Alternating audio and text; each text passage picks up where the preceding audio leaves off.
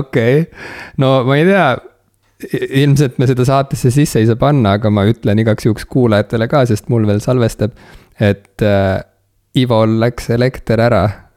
ja, ja, ja, ja salvestus ilmselt sellega lõppes. tänane osa tuli kokku umbes kaksteist minutit. kas sul elektrit on, et saadet teha?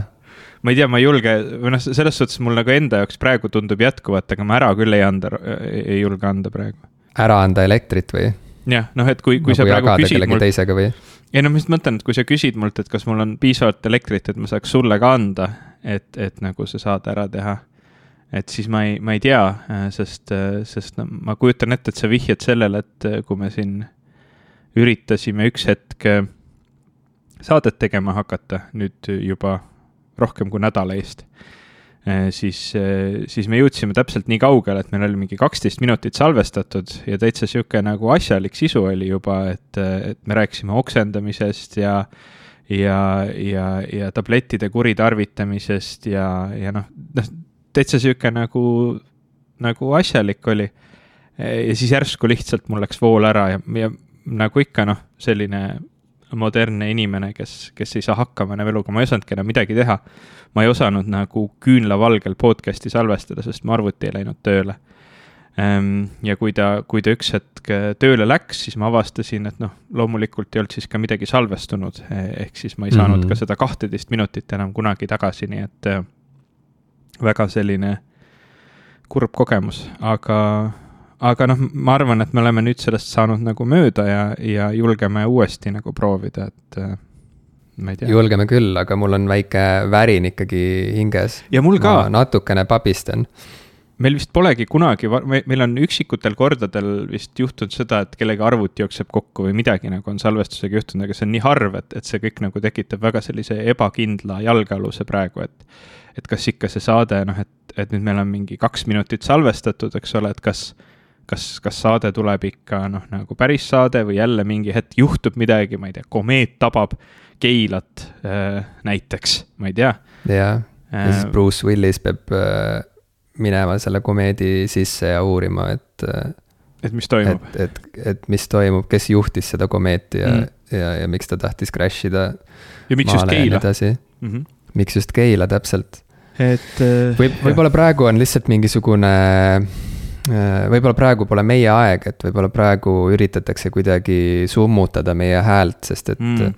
meie eelmine osa, äh, mille me tegime otseülekandena äh, Keila Sotsiaalkeskuse sünnipäevapeol, see oli ka sihuke nii ja naa, sest et esiteks meil, meile anti poole vähem aega, kui me oleme harilikult harjunud. teiseks, minu sound kõlas nagu see oleks mingisuguse robot-tolmuimeja hääl mm. -hmm. ma hiljem salvestust üle kuulates äh, taipasin, noh, see oli juba siis, kui, kui saade oli eetris. Äh, kui see oli juba kättesaadav kõikidel podcast'i plat-, platvormidelt, et siis ma avastasin, et. et mu hääl oli nii jube, et ma ise poleks küll suutnud kuulata sihukest saadet, isegi, isegi kui seda oli poole vähem kui harilikult ja siis, kui me nüüd viimati jah, tahtsime teha tavapärast saadet ja juba jõudsime hõisata, et näed, kõik on, kõik on jälle hästi ja kõik on jälle normaalne.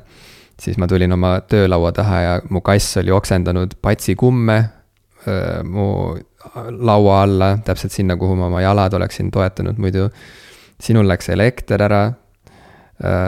noh, et tundub, et kuidagi natukene nagu laguneb see asi meil koost vaikselt, aga, aga kuna me ei anna alla, siis, siis me väljume sellest hädaorust veel võidukalt, mul on tunne. Tähtis on see, et me ise ei laguneks koost, et, et senikaua, kuni, kuni me suudame omaenda stabiilsuse selles meeletus, meeletus maailmas hoida, siis on kõik hästi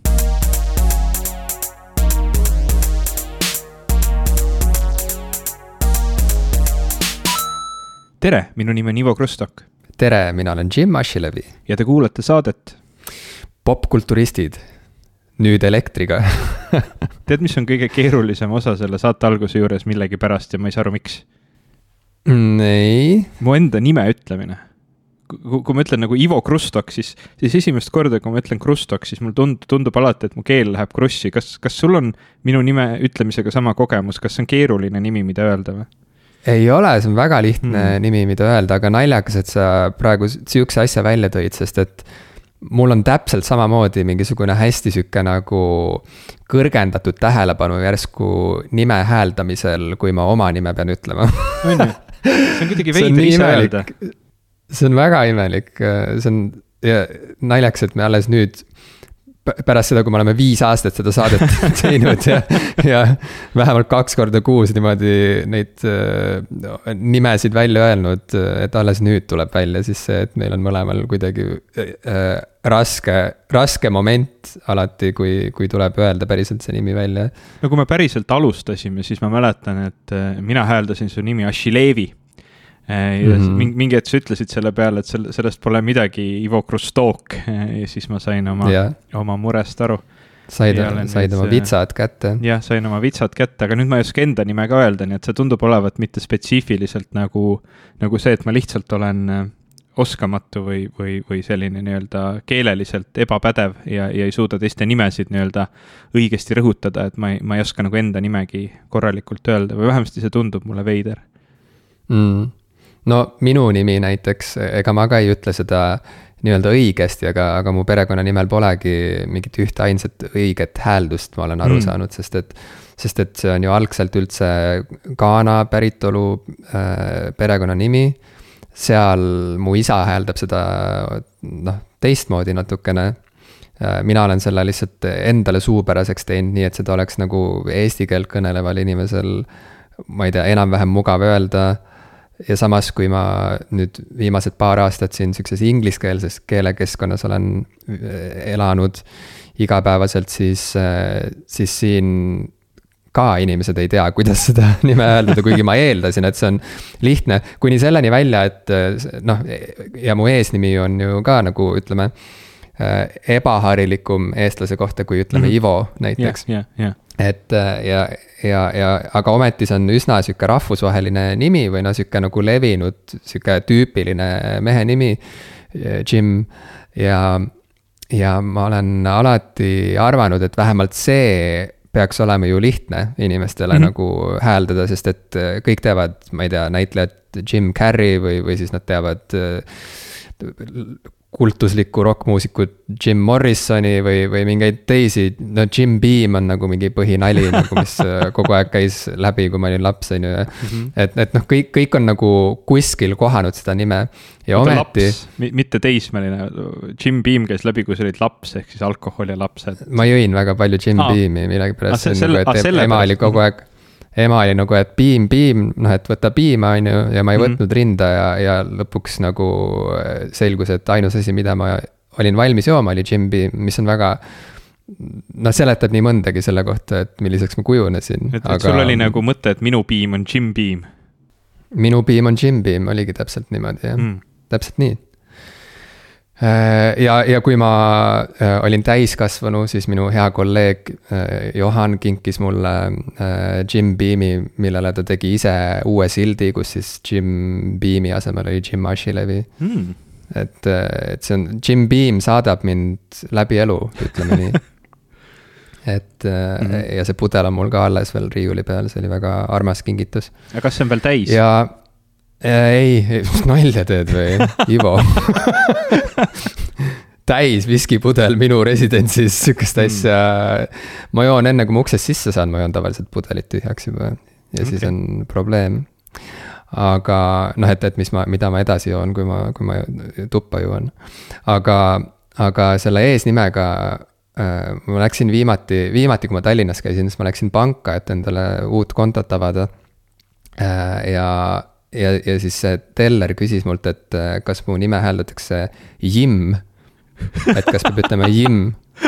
ja siis ma olin nagu üllatunud, aga samas ei olnud ka, sest et ma olen harjunud, et äh, noh, ma ei tea, kolme, kolmel neljandikul juhtudest ma pean äh, aitama inimest, et, et, et kuidas mu nime siis täpselt hääldada, kas tavaliselt perekonnanime puhul, puhul on see küsimus.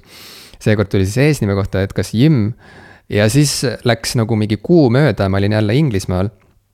ja äh, ma alustasin vestlust ühe uue kolleegiga, kellega me polnud varem suhelnud, kes on ameeriklane. ja noh, elu sees ma ei arvanud, et tal võiks tekkida küsimus, et kuidas mu eesnime vähemalt hääldada, aga kuna ta elab Hollandis ja, ja seal on ka omamoodi siuksed hääldusharjumused või hääldustraditsioonid. Siis ka tema alustuseks küsis, et oota, kõigepealt, äh, kuidas ma su eesnime hääldan, kas, kas Jim või Jim, siis ma olin nagu, et mis, what the hell nagu, et sa oled ameeriklane nagu ja sa näed nime Jim. ma arvasin, et vähemalt sina nagu huvitav, kas see on nagu no. see GIF ja GIF nagu teemaline vaidlus, mis on. see on vist seesama asi ja, et ühesõnaga, et mu nimi on sama äh, segadust tekitav kui, kui faili nimetus GIF, mida, mille puhul inimesed ei tea siiani, kas see on GIF või GIF. Actually it's pronounced avocado. ühesõnaga, tuleb välja, et, et, et isegi Jim on liiga keeruline nimi ikkagi äh, eesnimena. Ka, ka, ka ameeriklasele, et äh, aga no ühesõnaga juhe läks tal kokku seetõttu, et ta teadis, et ma olen Eestist, vaata ja siis ta mõtleski, et aa, et, et, et Euroopas neil on oma mingisugused. omad hääldusviisid, vaata omad, omad džimmid ja omad äh, džihvid mm. -hmm. nii palju siis äh, nime hääldamisest, nii et jaa, kõik, kõik see taak akt-, aktiveerub minu sees, kui iga kord, kui me saadet alustame ja ma pean oma nime ütlema. sest et ma ise olen ka segaduses lõppkokkuvõttes. et kas, kas öelda nüüd Jim või, või Jim? või Jim Ashilevi või Ashilevi või Ashilevi või Ashilevi või Ashi Levi, Ashi Levi. kui mõelda sellele, kui keeruline see kõik on, nimed ja, ja värk, siis ma üldse ei saa aru, kuidas me tsivilisatsioonina nagu hakkama saame igapäevaselt, et kui me isegi nagu nii sellist fundamentaalset asja tegelikult, tegelikult nagu süv-, süvitsi süvitsi ei mõista, siis mul ongi tunne, et nagu kogu lootus on kadunud maailmast. et, et lihtsalt siin ei olegi enam midagi võita, siin ei ole millegi üle rõõmustada. kõik on hallides toonides, sest me tegelikult ei suuda nimesidki ma olen, mõista. ma olen täpselt sama meelt sinuga ja üldiselt me elame lõpuaegadel. jah, mul on see viimasel ajal hästi-hästi selgeks saanud, sest ma olen äh, Mm, noh, mitte teinud nagu tõsist uurimustööd ühiskondliku, ma ei tea, äh, sellise ühiskondlike muutuste ja, ja, ja ma ei tea, selliste majandusteooriate osas, vaid, vaid ma lihtsalt olen väga palju kuulanud krunge muusikat. Ähm, ja see, see on õpetanud mulle, et, et kõik on, et lootus on kadunud. Ja, ja see on selles suhtes väga huvitav, et noh, ma, mulle on krunge üldiselt äh, meeldinud Äh, ka varem, äh, noh, ma ei tea väga palju inimesi, kes, kes ütleks näiteks, et Nirvana oleks neile kuidagi vastumeelne äh, ansambel. Ähm, sest Nirvana on äge ja, ja kindlasti ka nende album Nevermind on ju selline üks, üks legendaarsemaid albumeid üldse, ma olen seda päris mitu korda kuulanud ja mm. -hmm. ja nüüd ma ei teagi, kas ma julgen enam selle kaane pilti vaadata või, või kaevatakse mind ka kohtusse selle beebi. ära igaks juhuks, ära igaks juhuks vaata. aga, aga noh, ja, ja ühed mu lemmikartistidest on ka ajalooliselt olnud Alice in Chains ja, ja, ja, ja neid on seal omajagu veel, keda ma olen armastanud kuulata, aga mingi hetk nüüd, ma ei tea, mõned nädalad tagasi ma juhtusin vaatama sellist Youtube'i kanalit nagu Trash Theory, ma ei tea, kas sa oled sellega kunagi kokku puutunud mm? -mm. see on. esimest korda kuulen ma, ma olen läinud mingisuguse joone peale jälle, kus mulle meeldib, äh, kus mulle meeldib nagu kitarrimuusika rohkem, ma olen vaadanud äh, terve hulga mingeid kitarriefektide videosid, ma olen ise nagu jälle rohkem taasavastanud oma kitarri ja selle erinevaid helisid. Ja, ja olen ka vaadanud, see on kanal, millega ma olen nagu kuidagi varasemalt ka kokku puutunud, ta, ta, ma ei ole siin kunagi nagu, ma ei ole se, se, selle sub, subscriber olnud ähm,. aga, aga iga mingi aja tagant on, on Youtube'i algoritm leidnud, et Ivo on just see inimene, kellele tuleks näidata trash theory't ja põhimõtteliselt on see selline ülipõhjalik äh, alternatiivmuusika analüüsi kanal ähm,, kes siis äh, on noh, võtnudki nagu ette erinevad siuksed enamasti alternatiivsed muusikažanrid ja teinud analüüsi, et kuidas nad välja kujunesid, miks nad niimoodi välja kujunesid, nagu nad, nad seda tegid. ja see on ülihästi läbi töötatud, ülihästi ette valmistatud. ja, ja nädala eest siis jah, tuligi nendele selline video nagu Before Nevermind, how grunge became grunge. Mm.. ja, ja see on mingi kolmkümmend kuus minutit pikk, ma panen selle saate märkmetesse ka, et noh, võib-olla, võib-olla keskmise Youtube'i video pikkusega noh, esialgu võib-olla ehmatab natukene ära. et kas see on ikkagi asi, mida, mida meie kuulajad ka viitsivad kuulata, aga ma väga soovitan soovitan see ette võtta, sellepärast et minu jaoks oli see nagu hästi suur nagu avastusretk läbi, läbi nii, nii krunge enda kui ka siis erinevate teiste žanrite, mis sellega seotud on. Ja nüüd ma olen kuidagi binge inud seda Trash Theory kanalit äh,, alates sealt siis süntpopi videodest äh,, metal videodest äh,, shoegaze'i videodest. Ja olen tegelikult nagu kuidagi kogu selle žanri, mis, mul on sihuke tunne, et mul on alati olnud nagu mingi disconnect, et noh, kui mina olin teismeline, siis, siis ma teadsin inimesi, kes on nagu suured Nirvana fännid, ma, ma mäletan, et oli omajagu inimesi, kes käisid ringi kas mingi pusa või, T-särgiga, kus oli peal see Nirvana, see, see rõõmupalli logo, ma ei oskagi seda parema sõnaga nagu kirjeldada. kolla, mhm. kollane mm -hmm. vist oli see seal peal. ja, ja ma teadsin nagu inimesi, kes olid nagu just spetsiifiliselt nagu Nirvanaga väga obsessed aga ma vist olin natuke liiga noor või ma, ma sündisin natuke liiga hilja, et sellest nagu krunge noh, nagu tegelikust siis sellest pildist nagu osa saada, et ma kuulasin seda muusikat küll, aga, aga see natukene läks minust mööda, võib-olla osaliselt sellepärast, et et ma esialgu olin liiga noor ja siis avastasin enda jaoks nagu sellise klassikalise roki ja ja heavy metal'i ja, ja siis ma nagu noh, ma, ma küll nautisin mingeid ansambleid ja teoseid, aga ei läinud sellesse kunagi nagu väga süviti sisse. Ja, ja siis noh, nagu veel sellest nagu kõrvalisemad žanrid, noh nagu seesama shoegaze ja muud sellised asjad, jällegi ma teadsin nende eksistentsist, aga ma kunagi nagu ei läinud sinna väga lõpuni sisse.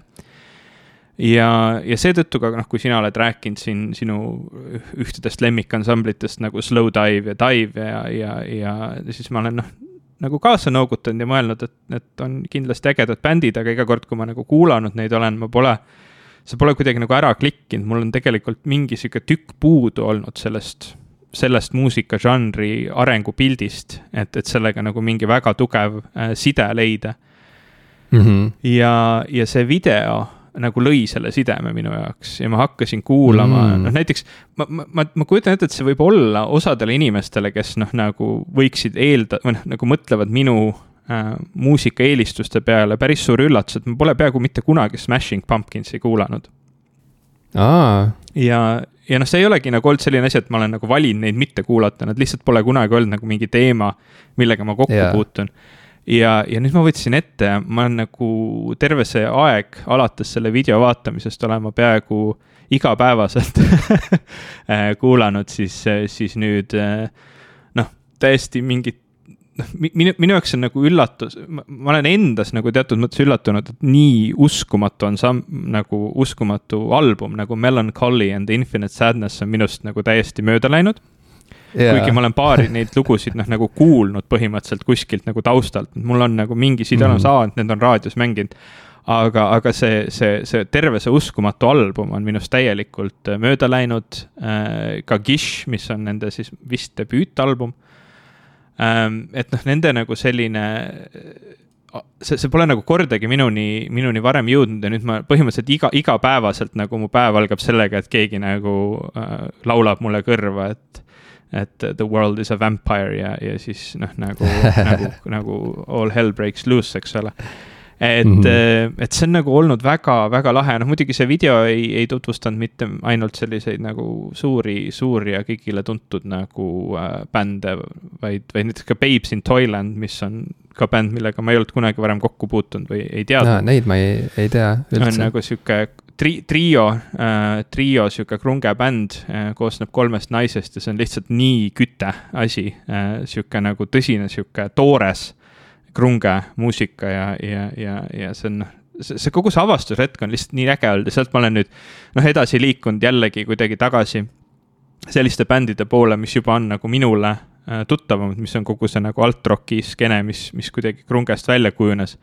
nagu White Stripes ja, ja System of a Down ja, ja, ja see, see kõik on jälle nagu hästi-hästi lähedaseks muutunud minu, mulle, äh, sest noh, need mm, -hmm. need on juba bändid, mida ma mäletan oma teismehe ajast nagu väga äh, eredalt, mäletan nende albumeid ja, ja nende lugusid ja kuidagi see kõik on hästi, hästi lahe on olnud tegelikult, ma pean, pean ütlema, et kui me seda, vaata seda kaheteist minutist saadet salvestada üritasime, siis ma, ma tol hetkel olin kuidagi nii väsinud kõigest ja, ja, ja, ja, ja oli kuidagi sihuke nagu raskemeelne olla. nüüd ma olen sellest ajast saadik mingi nädal aega sihukest ülimalt äh, raskemeelset muusikat kuulanud. ja eks ma tunnen ennast ilgelt hästi, ma, ma olen nii rõõmus mm., et ma mm. selle nagu kliki seal, seal kätte sain ja, ja tegelikult minu shoegaze'i nagu pilt varasemalt on piirdunud ainult äh, suuresti Pia Frausiga ja nüüd see on, on märksa laiemalt nagu äh, avardunud mm. -hmm. no väga lahe teekond ja üleüldse mulle tundub, et me oleme jõudnud punkti, kus nii, nii palju muusikat on saadaval nii erinevatest kümnenditest ja isegi sajanditest, et enam ei ole üldse isegi mõtet hakata ma ei tea, kedagi peedistama sel teemal, et sa ei tegema. olegi siia, sa ei, ah ei, seda ka muidugi. et, et oi, sa ei teagi neid või, või sa, aa, sa ei kuulanudki ainult seda albumit, kui sa olid viieteistaastane või. sest et äh, neid valikuid ja, ja ma ei tea, muusikalisi teekondi, mida inimene saab ette võtta äh,, kujunedes siis äh, ma ei tea, lapsest teismeliseks ja teismelisest äh, nooreks täiskasvanuks ja nii edasi.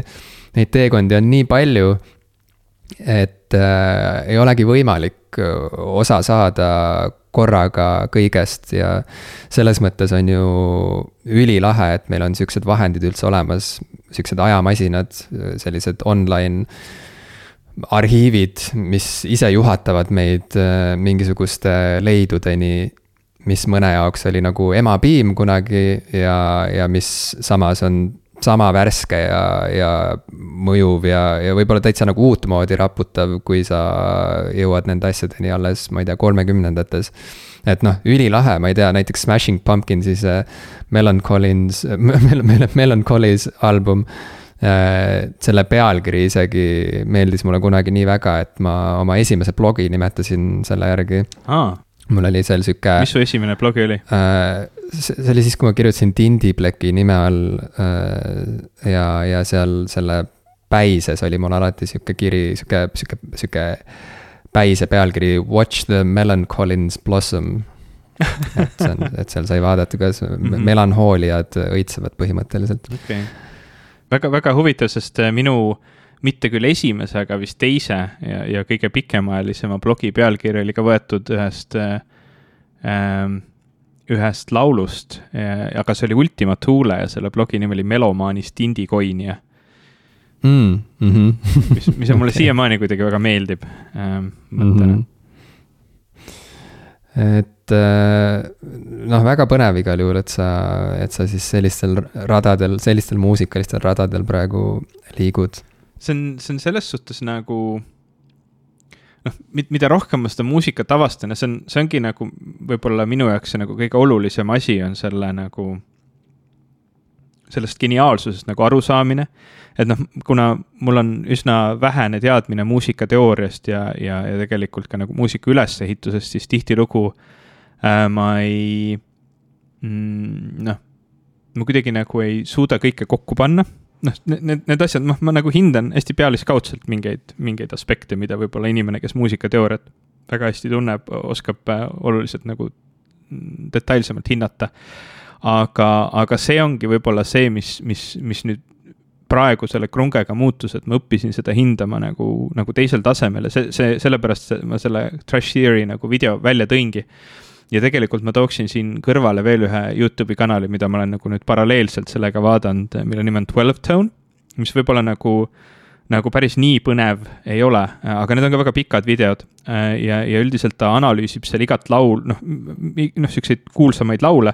Nende hulgas ka mitmeid nagu Smashing Pumpkins ja System of a Down ja noh, siukseid nagu tuntud lugusid muusikateooria vaatenurgast ja noh, mitte, nagu mõttega, et, et see artist nagu mõtles seda, kui ta seda lugu kirjutas, et ohoo, et ma teen nüüd ühe väga kavala nipi, kus ma äh, akordijärjestuse ehitan niimoodi üles, et see kogu aeg nagu äh, noh, ei jõuagi kunagi mingi resolutsioonini, vaid kogu aeg kukub ära või, või, või nüüd ma ehitan selle meloodia niimoodi üles, et see kuidagi noh, et et ta, ta nagu ei rõhuta seda, et artist nagu ise mõtles seda, kuidas ta kirjutas aga siuksed väiksed nagu detailid on minu jaoks eriti ägedad lihtsalt teada, kui ma seda muusikat kuulan, sest see aitab mul seda hinnata nii paljudel erinevatel tasemetel.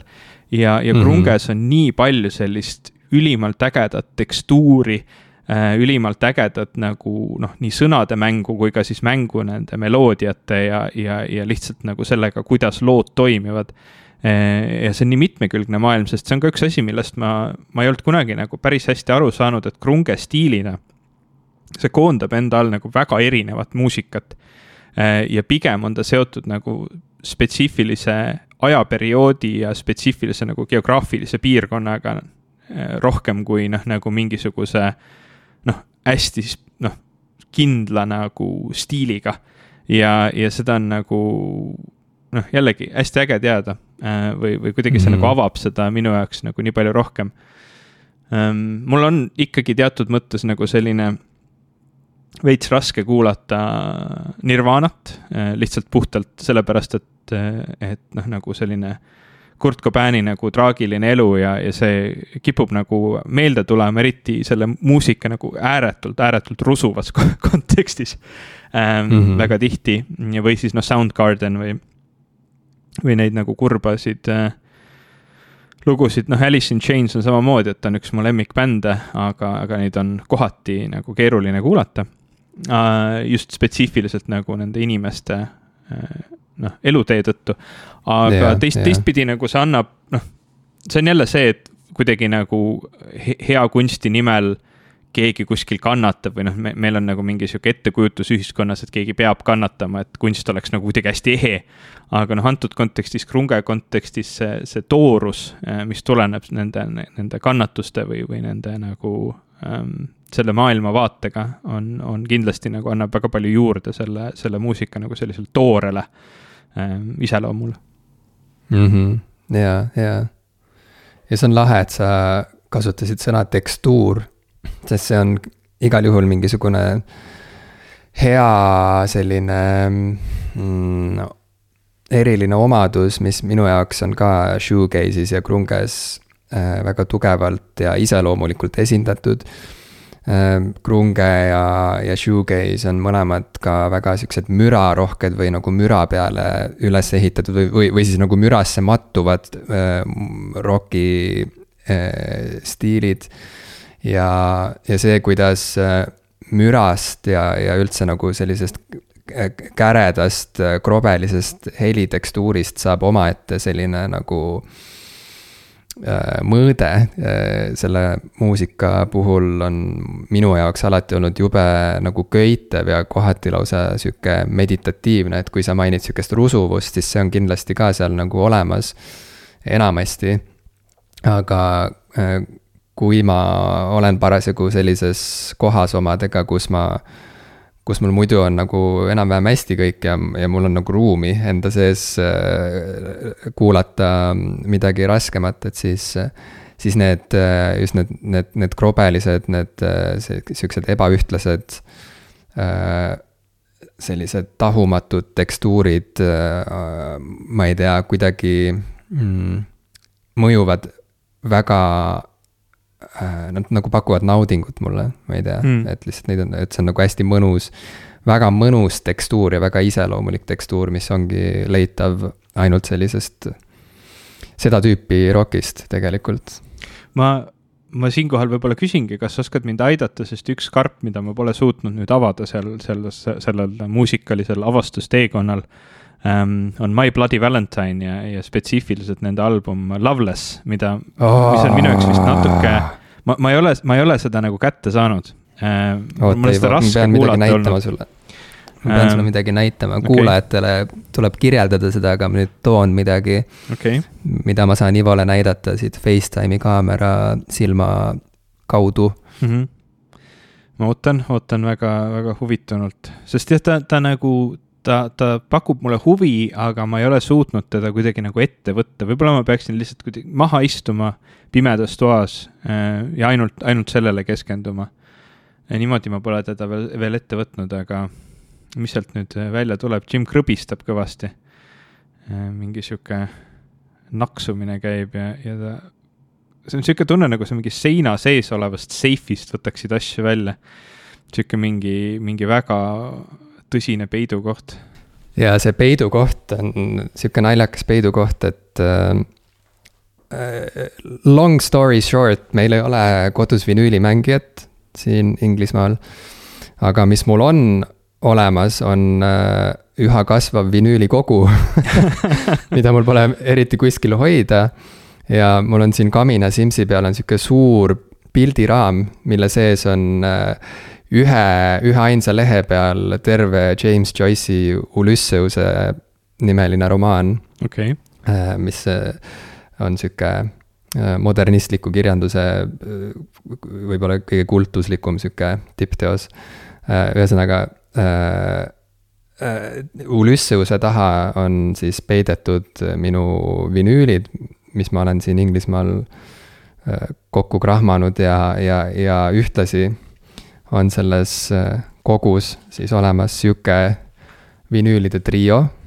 Neist esimene on selline see mm. on My Bloody Valentine'i äh, esimene nii-öelda, ma ei tea, siis sihuke nagu kaanonisse kuuluv album, nad on sihuke naljakas bänd, et nad äh, tegid äh, igast erinevaid asju, enne kui neist sai sedasorti My Bloody Valentine, millisena me neid täna peamiselt tunneme et äh, kui kuulata nende varasemat loomingut, siis isegi ei pruugiks nagu ära tunda, et see on seesama bänd. et see libisemine sihukesesse sügavasse shoegaze'i ja mõnes mõttes selle žanri sihuke äradefineerimine nende poolt toimus nagu mingil sihukesel. Mingis sihukeses murdepunktis mm, -hmm. kus nad ise kuidagi läbisid mingisuguse identiteedi uuenduse. ühesõnaga, Isn't anything on siis see e-, e-, esimene sihuke nagu uue My Bloody Valentine'i või klassikalise My Bloody Valentine'i äh, album. ja siis siin on äh, Loveless album, mis muutis kõik. Nad on kõik mul kile sees, sest et nad just andsid välja äh, Kevin Shields, My Bloody Valentine'i äh, frontman on täielik äh, sound'i maniak äh,. äh see, millise obsessiooniga ta on äh, selle bändi sound'i kruttinud ja, ja kuidagi sättinud ajas, on äh, noh, haiglane ütleme nii, et see on üle, üle igasuguse piiri. Äh, ma üritan üles leida seda intervjuud, kus ta rääkis sellest, kuidas ta nagu vanade analooglintide pealt üritas uuesti kokku lõigata tervet seda Lovelessi albumit ja kuidas see põhimõtteliselt ajas teda nagu hulluks mitu korda.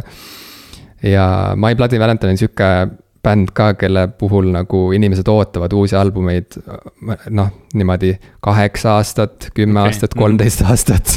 ma vaatan jah, kui nende siis... diskograafia ette võtta, siis ta on, ta on äh, selles suhtes äh, lühike ja, ja üsna pikkade vahedega.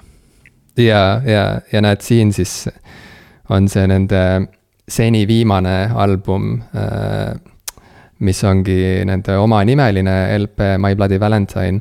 ühesõnaga, nad, kõik need kolm LP-d, mida ma sulle siin äh, näitasin, on äh, siis nüüd need kõige värskemad versioonid nendest albumitest, äh, mis saidki siis uue, mis on nagu analoog cut. Mm..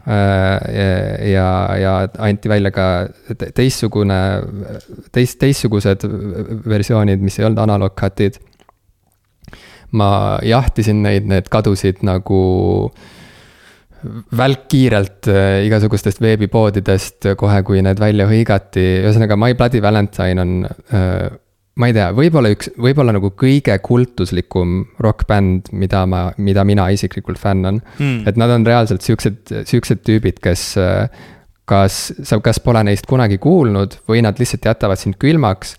Või sa usud nendesse nii nagu mingisugused noh, tõelised fanaatikud usuvad oma mingisse nagu religiooni või oma mhm. kirikusse. et see on täiesti hullumeelne nagu, kui, kui, kui olulised nad on mingile, äh, mingit sorti shoegaze'i äh, noh, fännidele ja, ja, ja võib-olla nagu ainus inimene, kes mind nakatas selle pisikuga, on äh, Pia Frausi frontman Rein Fuchs kusjuures mm -hmm. kunagi ammu. ja, ja teine oluline põnts või sihuke nagu äh, mõjutav tabamus tuli filmist Lost in Translation, Sofia Coppola film, mis. kas see oli aastal kaks tuhat kolm, kui see välja tuli? Äh, ei ole sada protsenti kindel, aga igal juhul äh, nullindate alguses sest et Kevin Shields tegi selle filmi soundtrack'i ja see oli nagu korraks üks sihuke eriline hetk, kus, kus inimesed said kuulda üle pika aja värsket nii-öelda, noh, mitte küll My Bloody Valentine'i muusikat, aga vähemalt Kevin Shieldsi muusikat, kes suuresti kujundab My Bloody Valentine'i äh, kõla. ja, ja mis ma oskan sulle öelda Lovelessi kohta, et äh,, et Loveless on äh, teatud mõttes nagu omas vallas nagu piibel või mingi sihuke nagu mhm. alustekst see on üks neid albumeid, mis on, no ongi, kui peab tegema neid e-, elu edetabeleid, et siis Loveless on mul seal väga kõrgel kohal. ja see on mingi täiesti sihuke eraldiseisev äh, meistriteos, milleni mitte ükski muu asi ei, ei küündi ega hakkagi kunagi küündima ühesõnaga, see on üks maailma imedest on, on Loveless, ütlen ma sulle mhm. lühidalt kokkuvõttes, et ähm, ma ei tea, kas üldse kunagi või, või, või, või, või mismoodi sina selle albumini oma tee leiad. aga, aga ma võin igaks, igaks juhuks öelda, et mul on äh, üks teine Lovelessi analoog cut äh, ka minu poole teel, sest et ma olin vahepeal paanikas, vahepeal tundus, et ma ikkagi ei saa seda ja siis ma tellisin ühest teisest kohast äh, veel ühe eksemplari mm, -hmm. sest Kevin Shields kuulutas, et, et nad teevad, et nad äh, teevad ühe laari veel juurde neid. nii et äh, kui sa kunagi jõuad Lovelessi juurde ja kui sa õpid seda armastama, siis võib-olla on sul võimalus minu käest saada üks väga eriline vinüül. huvitav, ma just võtsin ette Beat Me äh, veebipoe ja, ja ma näen siin neid, neid kolme albumit, mida sa mida sa mainisid. Ehm, ja siin on kuidagi nagu huvitav see, et, et vähemalt siis see kõige uuem, kõige uuem nende enda nimega album ja, ja Loveless on olemas ka nii-öelda limited versioonina ja mitte limited versioonina ja see limited versioon on välja müüdud ja ma ei suuda mitte kuidagi aru saada, mis nende kahe vahe on, mis nende. ma arvan, et see limited ja, versioon ongi see fully analog cut versioon okay Neid hmm. nimetatakse siin ja seal kuidagi erinevalt, aga ma arvan, et see on see vahe. okei okay.. jah, aga ma ei tea üldse, miks on mõtet niimoodi äh, anda kümneid erinevaid versioone oma albumitest välja, me oleme sellest rääkinud ka mitmel korral. aga My Bloody Valentine on eriti, eriti seda tüüpi bänd, mis nagu kogu aeg annab, noh, neil on põhimõtteliselt neil on nagu kolm albumit, noh, nagu ma ütlesin mm, -hmm. tegelikult neil on neid reliise veel erinevaid aga mis on see põhi, põhi sinna loomingu korpusesse kuuluv äh, trio, et, et see nagu, nagu trio nimi nagu definitsiooni poolest ütleb, on, on kolmik, on ju mm. -hmm. ja bänd, mis on iseenesest ju tegutsenud, äh, ma ei tea, vist mingi nelikümmend aastat nüüdseks juba mm. -hmm.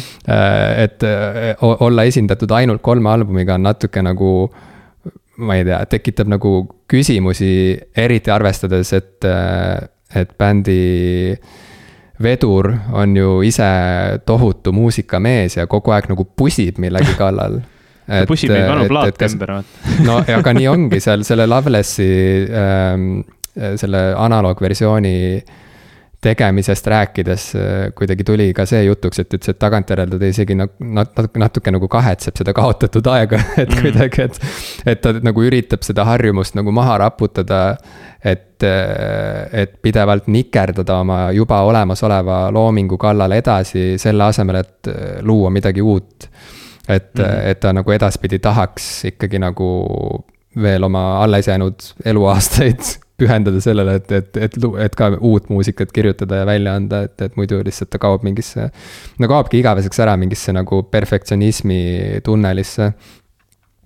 ja, ja, ja ma viimase asjana lihtsalt mainin, et eh, Rein Fuchs, kes siis mind selle My Bloody Valentine'i pisikuga kunagi nakatas. Eh, ma mäletan, et Piia Frausi eh, stuudiokene telemaja keldris seal, kui ma esimest korda Reinul seal külas käisin, siis sest me tegime sõbra Jaaguga neile muusikavideot ja siis.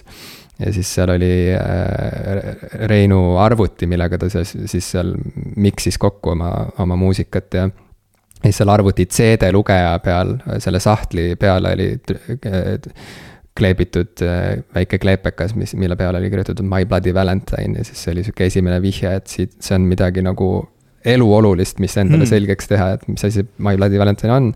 ja nüüd hiljem Äh, kui, kui jälgida Rein Fuchsi Instagrami kontot, siis seal on sihuke omaette rubriik, on see, et äh, aeg-ajalt ilmub sinna pilt tema My Bloody Valentine'i albumite kogust mis muudkui täieneb, aga jällegi, nagu ma ütlesin, et kuna neil on need kolm albumit, siis see täieneb kogu aeg nende, nende uuesti välja antud äh, äh, uusversioonide najal mm. -hmm. ja, ja Rein on selline maniak, et tal on tõesti nagu igas formaadis need albumid olemas ja ja olgugi, et tal on kõik formaadid nüüd nagu kaetud, siis kuna need formaadid saavad ka kogu aeg nagu uusversioone mm, -hmm. et mhm. siis, siis tal lihtsalt tuleb nagu aina juurde nagu see, see My Bloody Valentine'i kuhi kogu aeg nagu muutub kõrgemaks tal kodus. nii okay. et äh, nii esinduslikku kogu mul ei ole, aga, aga, aga noh, midagi ikka mul on aga kui nüüd mõelda selle mure peale, kus ma nagu pihta hakkasin, et Loveless on, on, on keeruline asi, millega, millega ma ei ole seda sidet veel leidnud, et selles triloogias kas on nii-öelda paremaid albume, millega alustada või, või kuidas, kui, kui keegi tuleks sinu juurde, et oo, et äh, ma ei ole kunagi kuulnudki My Bloody Valentine'ist, kus ma peaks pihta hakkama, mis, mis albumiga ma võiks pihta hakata, kas seal on üldse vahet? ma arvan, et äh, lihtsalt kuula Lovelessi lugu ei, ei, et ära kuula tervet albumit, vaid kuula näiteks äh, lugu äh,, kas see on, oota, kas see on see albumi viimane lugu vist või? ei, oota. jaa, kuula, kuula nende lugu Sometimes. okei okay.. lihtsalt mm kuula seda lugu okay.. Äh, et see on natuke nagu selle albumi sihuke süda, kuhu, kuhu välja jõutakse mm. -hmm. sest et kui see ülejäänud äh, album on võib-olla liiga, liiga mürarohke või ma ei tea, mattunud mingisse sihukesesse müra, läbimatusse müraudusse, mis ongi asja point mm. -hmm. et siis, siis võib-olla Sometimes on sihuke hea hüppelaud ja see oli ka jällegi esindatud äh, ma, äh, filmi Lost in Translation'i soundtrack'il äh, väga ilusas sellises filmi lõpupoole aset leidvas stseenis. et äh, jah, see on sihuke üks neid nagu signatuure natuke minu, minu jaoks äh, selle bändi puhul, et lihtsalt kuula seda. okei okay., võtan ette. kohe, kui saade lõpeb lähen tagasi oma, oma pimeduse maailma, kus ma avastan aga need naljakad vanad asjad on ka väga huvitavad mm., seal on isegi nagu, ma ei tea, see on täiesti jabur, neil on isegi mingid rockabilly mõjutused seal ja nagu see on täiesti nagu jabur, nagu hoopis teine bänd. Äh, ja, ja, ja teistmoodi väga äge, et ma võin sulle mingeid näidiseid sealt ka saata. kusjuures Spotify's ma näen, ei ole neid ah. vanu albumeid näiteks üldse, neid ongi üldse nagu raske kätte saada, mina kunagi sain nende selle vanade lugude kogu, kogumiku üldse Jaapanist näiteks. see oli enne, enne seda, kui inimesed üldse said nagu kasutada mingeid voogedastusplatvorme ja mm -hmm. siukseid asju. et siis tuli Jaapanisse pidin... minna, et muusikat saada? tuli minna Jaapanisse, et jah, osta seal Jaapani versioone nende albumitest. Väga dark times. Sinna tuli minna paadiga, see oli kõik väga keeruline jah, okei. Okay., väga huvitav, võtan, ühesõnaga ma arvan, et mu nii-öelda keerdkäigud siis teiste inimeste teismeelu äh, tähtsates teostes veel jätkuvad. Jah, eks see on nagu lõppematu teekond ka niikuinii ja, ja ega jah, seni, seni kuni on viitsimist ja huvi, seni saab edasi minna, aga ega kokkuvõttes igale poole ei jõua kahjuks ikkagi. mul on sihuke tunne, et nüüd ma pean nagu vastukaaluks tegema endale selgeks ikkagi kogu selle Iron Maideni teema ja ja, ja mis, mis seal kõik on. neil tuli uus album just välja. veel nagu lahendamata mõistatus ja. ma tean, et neil tuli uus album välja, seda enam nagu ma mõtlesingi, et äkki peaks hüppama sealtkaudu sisse näiteks sinna. Nad, nad on muidugi ka, kui sa kirjeldasid seda, et, et My Bloody Valentine armastab siis kolme plaati ehm, kogu aeg nagu uuesti välja anda, siis Iron mm -hmm. Maiden armastab oma, oma lugusid kogumikel iga natukese ajalt välja anda ja live-plaatidel iga natukese ajalt välja anda, et noh, tavaliselt neil ongi see, et noh, see on viimasel ajal kuidagi nagu isegi juba traditsiooniks saanud, et nad annavad välja albumi ja siis annavad selle albumi live-versiooni mõni aasta hiljem või aasta hiljem näiteks. Mm..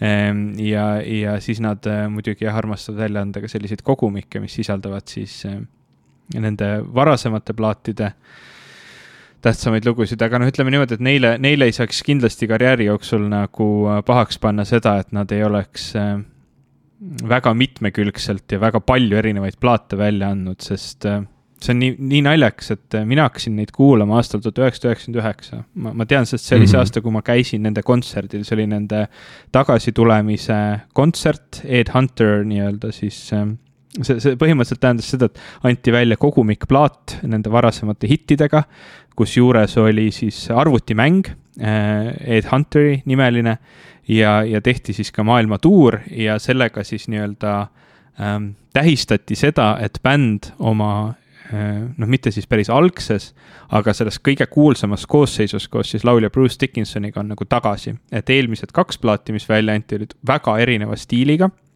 hoopis teise lauljaga ja oluliselt nagu siukse modernsema äh, metalli noh, nagu sound'iga, modernsemaga üheksakümnendate keskpaiga kontekstis mm ja, ja noh, nendel tegelikult saabki nagu päris, päris mitu sellist väga spetsiifilist perioodi nagu leida, noh, päris alguses nad olid väga punki äh, mõjutustega, nende esimene laulja oli väga nagu selline punkroki laulja äh, tüüpi lähenemisega, sealt edasi siis tuleb nii-öelda see kuldaeg, kui tuli, tuli Bruce Dickinson ja anti välja siuksed võib-olla kõige tuntumad plaadid. Ja noh, see oli täpselt see kaheksakümnendate keskpaik, kui metal oligi siis äh, oma sellist äh, kuldaega elamas. üheksakümnendatel andsid nad välja mõned plaadid, mis kuidagi nagu väga ei, noh, väga sellist suurt toetust ei leidnud. ja siis nad hakkasidki kuidagi muutuma, et noh, et esiteks see bänd läks nagu natuke laiali, nende laulja läks ära. ja üks kitarrist, siis nad tegid siin nagu sihukest äh, teistsugust värki ja kui nad kahe tuhandendate alguses nagu uuesti tagasi tulid, siis see oli see hetk, kui mina hakkasin neid kuulama, sellest on nüüd möödas kakskümmend kaks aastat põhimõtteliselt. ja see on mm., see on rohkem aega, on sellest hetkest möödas, kui oli möödas sellest äh, nii-öelda oli, oli möödas nende esimesest plaadist aastal kaks tuhat, mis, mis on tegelikult nagu absurdne mõelda, et noh, nagu noh mi, minu jaoks on ta alati see nagu kuulus kaheksakümnendate bänd, keda ma hakkasin yeah. kunagi ise kuulama ja nüüd nad on põhimõtteliselt andnud välja juba, ma isegi ei tea, võib-olla rohkem muusikat, ma ei ole niimoodi kokku lugenud, kui see periood oli, mis, mis enne algas. Ja, ja ma isegi nagu naersin seda, et see oli nii veider, et kui ma üheksakümnenda, ühe, üheksakümne üheksandal aastal läksin sinna kontserdile, siis ma olin see nagu new fänn, eks ole, kes polnud neid nagu esi, esimest korda ostis Maideni särgi ja siis ma vaatasin, et vau, et siin on mingid tüübid on umbes nagu Killersi särgiga või Number of the Beast'i särgiga, mis olid tol, tolleks hetkeks nagu pea kakskümmend aastat äh, tagasi välja antud plaadid. Ütlesin, et vau, et need on need nagu vanakooli fännid. et noh, põhimõtteliselt olen mina, mina täna juba see nagu vanakooli fänn, kes mäletab, et oo, ma kunagi üheksakümnendate lõpus käisin nende kontserdil Mm -hmm. ja noh, nüüd, nüüd on ka, ka see pärast seda kahe tuhandendat aastat on nende muusika päris palju arenenud selliseks hästi progressiivse metali poole ja nendele meeldib teha hästi eepilisi pikki-pikki teoseid, mis osa nende fännidest on juba nagu kergelt hakanud äh, võib-olla ära tüütama, et see ei ole nagu kõik, kõigi mesti muusika, et see nagu paljude jaoks läheb natuke liiga sinna Dream Theater'i poole juba, et. et aga noh, lõpuks iga bänd peaks ikka seda tegema, mis nad ise tahavad ja. ja, ja, ja, ja, ja ma alati imetlen äh, nagu järjepidevust ajas. ka, ka seda olen mitmel korral maininud meie saate ajaloo jooksul, aga, aga kui valida, et kas, kas pigem eresähvatus või siis selline, ma ei tea, aeglasem, aga järjekindlam äh, vastupidamine ajas ja, ja liikumine ja arenemine ajas, siis igal juhul see teine variant on, oleks mm. minu eelistus ja nii enda puhul kui ka, kui ka tegelikult äh, bändide, artistide puhul, keda ma fännan. Et noh, nii, nii väga, kui ma ka ei armastaks Nirvanat, siis ka nemad ju jäid lõpuks ikkagi Äh, kas kahe või kolme albumi bändiks vist nagu Kolm, kolme, jah. vist oli Bleach, Bleach uh,, Nevermind ja In In Utero. just, just, just ja noh, minu meelest see on nagu noh, see on tõeline kaotus mm., et me ei saanud uh, mitte kunagi enam uh, rohkem Nirvanat ja, juurde. seal on muidugi see lisadimensioon juures, et me saime Foo Fightersi ja kes teab, kui Nirvana oleks jäänud püsima siis võib ju tegelikult täiesti olla võimalik, et Foo Fightersid poleks kunagi sündinud, mis oleks mm. teistpidi täiesti nagu uskumatu alternatiivajalugu või nagu väga veider äh, selline nagu äh, veidralt suur asi oleks puudu äh, rokkmuusikast. aga, aga jaa, et ähm, see, see, mida sa kirjeldasid Iron Maideni puhul, on, on kokkuvõttes ikkagi imetlusväärne ja kuskilt mulle meenus ma ei, kas keegi kuskil podcast'is vist mainis, et äh, vaata need Nirvana T-särgid, millest sa rääkisid, kus on see sihuke no, ma ei tea, natuke sassis naerunägu äh, logona on peal ja siis on sinna kirjutatud äh, Nirvana, on ju. Et need T-särgid, mida nüüd inimesed saavad osta umbes H ja M-ist ja nii edasi et, et, mhm. et, et me oleme jõudnud aega, kus äh, kui sellist T-särki kannab äh, noor inimene, keegi, kes on teismeline või siis ma ei tea, kahekümnendate päris alguses, siis see T-särk teeb teda veel nooremaks. sest et tema nagu distants selle bändi tegutsemisajast on lihtsalt nii suur juba yeah,. Yeah. et, et, et see on, et see juba töötab nagu sihukese nagu lihtsalt laheda mingisuguse popkultuurilise nagu märgina, mille tähendust see kandja ei pruugi nagu üldse teada, nagu võib-olla ta mm -hmm. pole elu sees kuulnud ühtegi Nirvana lugu ja see on lihtsalt mingi lahe särk, mida kantakse. ja siis äh, selle mündi teine külg on see, et äh, kui seda T-särki kannab äh, keegi inimene, kes oli siis täitsa e-, elu, elus ja olemas, kui Nirvana tegutses keegi vanem inimene nii-öelda, siis see särk teeb teda veel vanemaks sest et siis ta tundub nagu sihuke prehistoric man from the nineties mm -hmm. uh, või, või pre, prehistoric woman uh, from the nineties. et um,, et jah, et Nirvanast on saanud uh, selline nagu uh, noh, ajalugu, kauge ajalugu tegelikult. see on tõesti, tegelikult see on, see on keeruline isegi tänapäeval mõelda sellest, kuidas üheksakümne esimene aasta on meist kolmkümmend, kolmkümmend aastat nagu tagasi ähm, olnud, et yeah. see, see kolm kümnendit on tegelikult äh, möödunud üheksakümne esimesest aastast ähm, ja noh, niimoodi võib siis kogu seda üheksakümnendate mm, ajalist raami äh, enda jaoks mõtestada, see on, see on teatud mõttes isegi natukene hirmuäratav. Aga, aga see, see ongi noh, hoolimata sellest, et võib-olla ma olin natukene, natukene liiga noor veel sellel ajal, et noh, ütleme niimoodi üheksakümnendate keskpaigas, üheksakümne viiendal aastal ma olin kaheksa aastane, mis on natuke liiga vara, et selle aja nagu popkultuur oleks mulle nagu väga-väga ähm, sügava äh, nii-öelda sellise noh, mulje jätnud aga, aga noh, selle, see, see, see ikkagi jättis mulle kindlasti äh, mulje ja, ja see kindlasti nagu on minuga selles mõttes kaasas käinud, ma olen alati väga nagu hinnanud seda, seda perioodi või kuidagi seda nagu noh, ma, ma ei saa öelda, et ma olen nagu hinnanud seda suhtumist, aga, aga kuidagi sellel on mingi teatav nagu äratundmisrõõm minu jaoks, et noh, kui ma vaatan Darja sarja, mis on üks mu lemmikasju või, või ma, ma iga mingi aja tagant ma nagu kasutan igapäevaelus seda tsitaati Simpsonitest, kus eh, ükskord Homer läks eh, mingisuguse Lollapalooza festivali, noh nagu sellise tüüpi festivalile. Ehm, kus siis esinesid kõik need tolle aja kuulsad krungebändid ja nende seas ka siis noh, Smashing Pumpkins ja seal oli veel, veel teisi ja siis seal on üks stseen, kus siis üks, kaks, kaks noort nagu, noh, üks noortest nagu kommenteeris midagi, et oh that's cool. ja teine küsis talt, et siis are you being sarcastic dude ja ta vastas, et I don't even know anymore mis on nagu selline nagu väga, väga äratuntav hetk minu jaoks nagu ähm, noh, ka, ka mu enda elus, et, et see on selline noh. et ma, ma nagu, ma nagu samastun sellega, selle, selle tundega mm. -hmm. ja, ja ah,. ja üheksakümnendad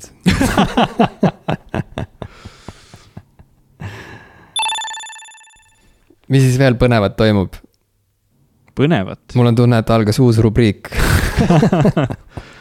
äh, ma mängin Diablo kahte jälle, mis on ka nagu selline lapsepõlve tagasiminek. okei okay., sa elad minevikus lihtsalt põhimõtteliselt. mul on ka sihuke tunne, aga. pööranud selja tänapäevale sa oled pöördunud tagasi juurte juurde, ütleme nii. no vot, see ongi nagu naljakas, et, et noh, jällegi, kui me, kui me viimane kord salvestasime, siis ma olin hästi sellises raskemeelses tujus ja ma, ma hakkasin pihta selle kurtmisega, kui väsinud ma olen ja kui kohutavalt raske kõik on, on ju ehm, et siis, siis täna ma tunnen ennast juba oluliselt paremini ja see on võib-olla, võib-olla see ongi puhtalt sellepärast, et nüüd ma elan minevikus ilmselgelt olin ma siis minevikus rõõmsam, sellepärast et Diablo kaks ähm, tuli välja aastal kaks tuhat, mis, mis siis on võib-olla pigem selle krunge nagu võidukäigu nagu järgsel ajal, aga siis ma olin, siis ma olin juba piisavalt vana, et, et noh, nagu, et see, see minu ümber toimuv nagu kultuuriline torm mõjutas mind juba nagu meeletult. Ehm, ma olin Diablo kahe väljatulemise ajal siis umbes, ma ei tea, mingi kolmteist või neliteist. ja, ja, ja see mäng oli üks minu sellise nooruspõlve kõige, kõige meeldejäävamaid mänge üldse, ma mängisin seda hästi palju, ma mängisin seda üksi, ma mängisin seda oma vennaga, mängisin sõpradega. ja. sama, sama. ja nüüd tuli välja siis selle mängu, see, see oli üks päev peale minu sünnipäeva, kahekümne kolmandal septembril tuli välja siis Diablo kaks Resurrected, mis põhimõtteliselt mm -hmm. on siis selline väga hästi tehtud uuendus siis Diablo kahele, põhimõtteliselt, et sama mäng. ja, ja see on isegi jällegi väga keeruline seletada äh, seda, et, et, et kuidas seda mängu muudetud on, sest see, see põhiline nagu tunne, mis, mis väga paljud on kirjeldanud ja, ja ma ise kindlasti võin, võin täpselt sama väita, et sa mängid seda ja see näeb välja täpselt nagu sa mäletad seda et noh, nagu sihuke tunne on nagu, aga nad ei muutnud ju mitte midagi. ja siis sa vajutad sellele mm -hmm. nupule, mis näitab sulle, milline see mäng nagu enne oli ja see on, see on nagu täiesti teistsugune. noh, lihtsalt, et mm, -hmm. et nad on nii hästi suutnud selle tunde äh, moderniseerida, mis selle mänguga kaasnes. et, et see, see nagu näeb välja, nagu sa mäletad seda ja see on, see on hästi tore kogemus mm -hmm. ja nüüd ma olen seda, seda nii Switch'i kui arvuti peal siis äh, omajagu jõudnud juba mängida aa, nii et sa oled lausa ostnud kahele erinevale, sa oled kaks korda ostnud seda ja, mängu? ma tegin vea, äh, see Switch'il ostmine, ma tegelikult ei soovitaks seda. Äh, kuigi ma ei Aha. ole otseselt nagu kurb, et ma seda tegin, noh, rahast on ikka kahju, on ju. aga, aga teatud mõttes ma nagu äh,, mulle meeldib teda ka Switch'i peal mängida, aga äh, kuigi nad esialgu rääkisid päris palju sellest, et tuleb mingi cross-play ja erinevad nagu platvormid saavad omavahel mängida, siis mina ei ole aru saanud, et Switch'iga saaks mängida niimoodi, et mu, mu teine inimene või, või sõber saaks olla arvutiga äh,. sest mm -hmm. ma näen seal nii-öelda sõprade listis ainult neid inimesi, kes on mul Switch'i sõprade listis ja, ja, ja noh mm -hmm., ma, ma, ma ei suutnudki seda kuidagi teistmoodi nagu toimima saada äh,. mis on kurb ja noh, teine asi on see, et, et see siis kahe tuhandendate alguses kui ma mängisin Diablo kahte nii-öelda arvuti peal, siis ma ikkagi peamiselt mängisin seda, või noh, ainult mängisin seda hiire klaviatuuriga ja see on lihtsalt nii kuidagi sisse jäänud, et ilma selleta seda mängu mängida on kuidagi poolik kogemus, et teda on tore mm -hmm. selle kontrolleriga, telekadega ka mängida. Eh, noh, saab hakkama, see ei ole küll nii täpne ja nii mugav ja nii mõnus. tihtilugu ma panen tähele, et ma nagu, et, et pahalane tuleb nagu ühelt poolt, aga ma nupule vajutades nagu taon oma mõõgaga hoopis teises suunas mis ei ole väga mm -hmm. produktiivne ähm,. et, et siis, siis arvutiga on nagu see selline kuidagi õige kogemus minu jaoks seda mängida, aga, aga ma ei ole otseselt mm -hmm. nagu nüüd pettunud, et ta mul ka seal Switch'i peal on, sest see on ka tore kogemus, see on nagu teistmoodi huvitav kogemus mm.. no esiteks sa ütlesid, et Switch'i peal sa näed ainult oma Switch'i sõpru see tegi mind kohe nagu kadedaks, sest et mul on ainult üks sõber, mul on täpselt üks sõber Switch'i sõprade nimekirjas ja see on Ivo Krustok kust sa need, kus, kus sa endale Switch'i sõpru leidsid mul on kaks sõpra, kaks sõpra veel vist peale sinu, mul on sihuke tunne. Ehm, kes mm. on ka mõlemad Switch'i, Switch'iga, no ma, ma ei tea äh,. ilmselt nad ei ostnud Switch'i sellepärast, et mina seda kõvasti soovitasin, aga pärast seda, kui nad omale selle muretsenud on, on, oleme me sellest väga palju rääkinud. Küll. okei selge, ma olen vähemalt kahele inimesele äh, soovitanud või, või kuidagi mõjutanud neid selles suunas, et nad lõpuks ostsid Switch'id mm.. aga sõpra, sõbraks nad mind küll ei lisanud selle eest mm., nii et ma ei tea. ei, tegelikult ma ei kurda, mulle sobib see, et, et, et on väga piiritletud see sõprade, no seda vist ei saa nimetada isegi sõprade ringiks, see on sihuke sõprade, sõbra punkt, et seal on sihuke üks, üks täpp, mis vilgub mm -hmm. aeg-ajalt, kui sina hakkad äh, mängima midagi oma Switch'i peal ja viimati see oligi Diablo kaks siis, mida ma nägin, et sa seal käivitasid. Äh, see on alati nii tore moment, kui ma näen, et äh, Ivo ilmub järsku eetrisse ja siis ma saan piiluda, et, et mida sa seal mängid parasjagu. aga see, keegi, keegi arvustaja rääkis Diablo kahe kohta, kurtis nagu, et kuigi samamoodi kiitis, et see on nagu üllatavalt hästi nagu uuendatud versioon millestki, mis on nii mällu sööbinud juba ja, ja, ja kuidagi, kuigi see uus versioon on nii, nii palju ilusam ja kuidagi äh, noh, adekvaatsem tänapäeva standardite, äh, standardeid arvesse võttes. Äh, ja see ilmneb just eriti teravalt siis, kui korraks lülitada sisse see vana graafika, nagu sa kirjeldasid. Et siis ikkagi see mängu juhitavus, see arvustaja kurtis, et, et see on nagu. et see, et see jäeti samasuguseks, oli ikkagi viga, sest et seda mängu on liiga raske ja ebamugav mängida, nagu tänapäeva mängijal sihuke etteheide oli mm.. mis on sihuke, noh, ma ei oska seda nagu ümber lükata ega, ega, ega sellega nõustuda. aga ma pigem kaldun sinnapoole, et, et ta võib-olla, ma ei tea, tahtis liiga palju siis või midagi sihukest, mulle tundub, et, et kui, kui inimesed lähevad seda vana Diablot mängima. väga suur osa inimesi, kes selle resurrected versiooni endale hangivad, on vanad fännid Mm -hmm. ja need, kes on uued tulijad, äh, no küll nad siis, ma ei tea, õpivad sisse, sest et nii see oligi aastal kaks tuhat, on ju, et. nii see käis ja selles mõttes, et mida siin nagu lihtsustada nüüd inimestele, vaata, mulle tundub mm -hmm. kuidagi, ma ei, kas, kas see kuidagi tundub sulle mingi asi. mille peale sa ka mõtlesid, et, et seda oli kuidagi teistmoodi või ebamugav nagu käsitleda seda, seda. no minu jaoks on ta suht loomulik, sest ma ju nii mängisingi teda. Äh, no mis, just. mis ilmselt nagu noh on, tõesti enamik inimestest, kes seda nüüd mängivad, on ka need, kes seda siis mängisid, aga ähm, üks asi, mida ma küll panin tähele, mis on erinev Switch'il ja arvutil, mida, mida paar reviewer'it, keda ma olen vaadanud ka välja tõid, on see, et et kui sa mängid seda mängu nagu kontrolleriga, olgu see siis Playstation või Xbox või Switch või isegi arvutiga ühendatud kontrolleriga, siis sul on võimalik määrata erinevatele nuppudele neid äh, mm, erinevaid siis äh, mm, ma ei teagi, ma, ma ei saaks öelda, et need on mingisugused nii-öelda loitsud või, või, või noh, neid, neid eri, seal, seal mängus on terve hunnik erinevaid oskusi, mida sa siis saad nii-öelda kasutada. kas need on siis mingid loitsud või eri, eri rünnakuviisid või mida iganes. Või, või mingid nagu asjad, mis siis sulle annavad mingit jõudu juurde või vastupidi, vastastelt võtavad ära. et äh, kui arvutiga sa saad määrata nii-öelda hiirele siis nii-öelda parema nupule ühe ja vasakule nupule ühe ja sellega nagu asi suhteliselt piirdub, et siis sa pead neid juba vahetama, siis kontrolleril sa saad valida noh, vist kokku kuus tükki neid, eh, mida sa siis kohe mm -hmm. oma kontrolleri nuppudelt saad kätte.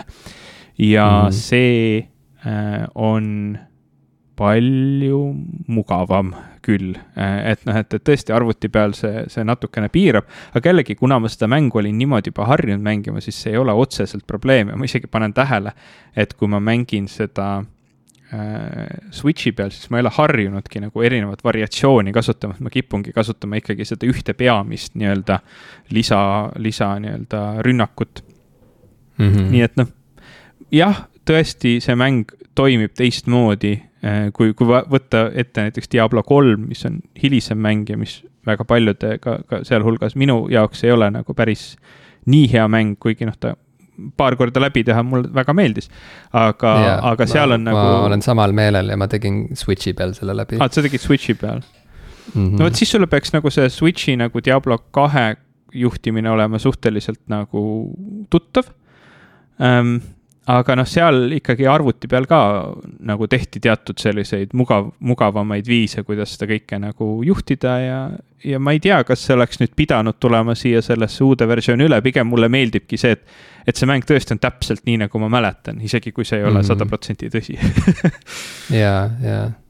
Ma parema meelega mängiksin ka seda arvuti peal puhtalt juba nostalgia pärast. Ja ka minu jaoks Diablo kaks on selline isiklik, isiklikku klassikasse kuuluv mäng. ja mul on siiamaani alles mu Diablo kaks, mille ma noh, ilmselt siis aastal kaks tuhat ostsin PC kaubamajast mm -hmm. Tallinnast kroonide eest ja, ja, ja seal karbi sees, selle uhke pappkarbi sees on isegi tšekk veel alles ja ühesõnaga, mul on kõik alles, manuaal mm -hmm. ja ja need plaadid, nii et tegelikult ma isegi ei peaks tingimata ostma endale seda uut Diablot, sest mul on see vana ka ja nagu täiesti alles mm. -hmm.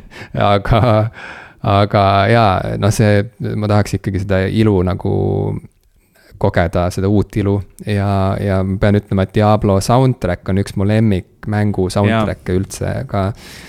Diablo kolmes ma hiljem vaatasin mingeid intervjuusid selle Diablo kolme helikujundaja või heliloojaga ja siis ta seal ütles, et seal alguspunktiks ta natuke võttis ka Diablo kahe sellise helikeele ja, ja natuke tegi sihukese kerge, äh, ma ei tea, kaabukergituse nagu selles suunas ja siis läks nagu oma teed mm, -hmm. mis on ka nagu noh, tore to,, tore ja õige otsus.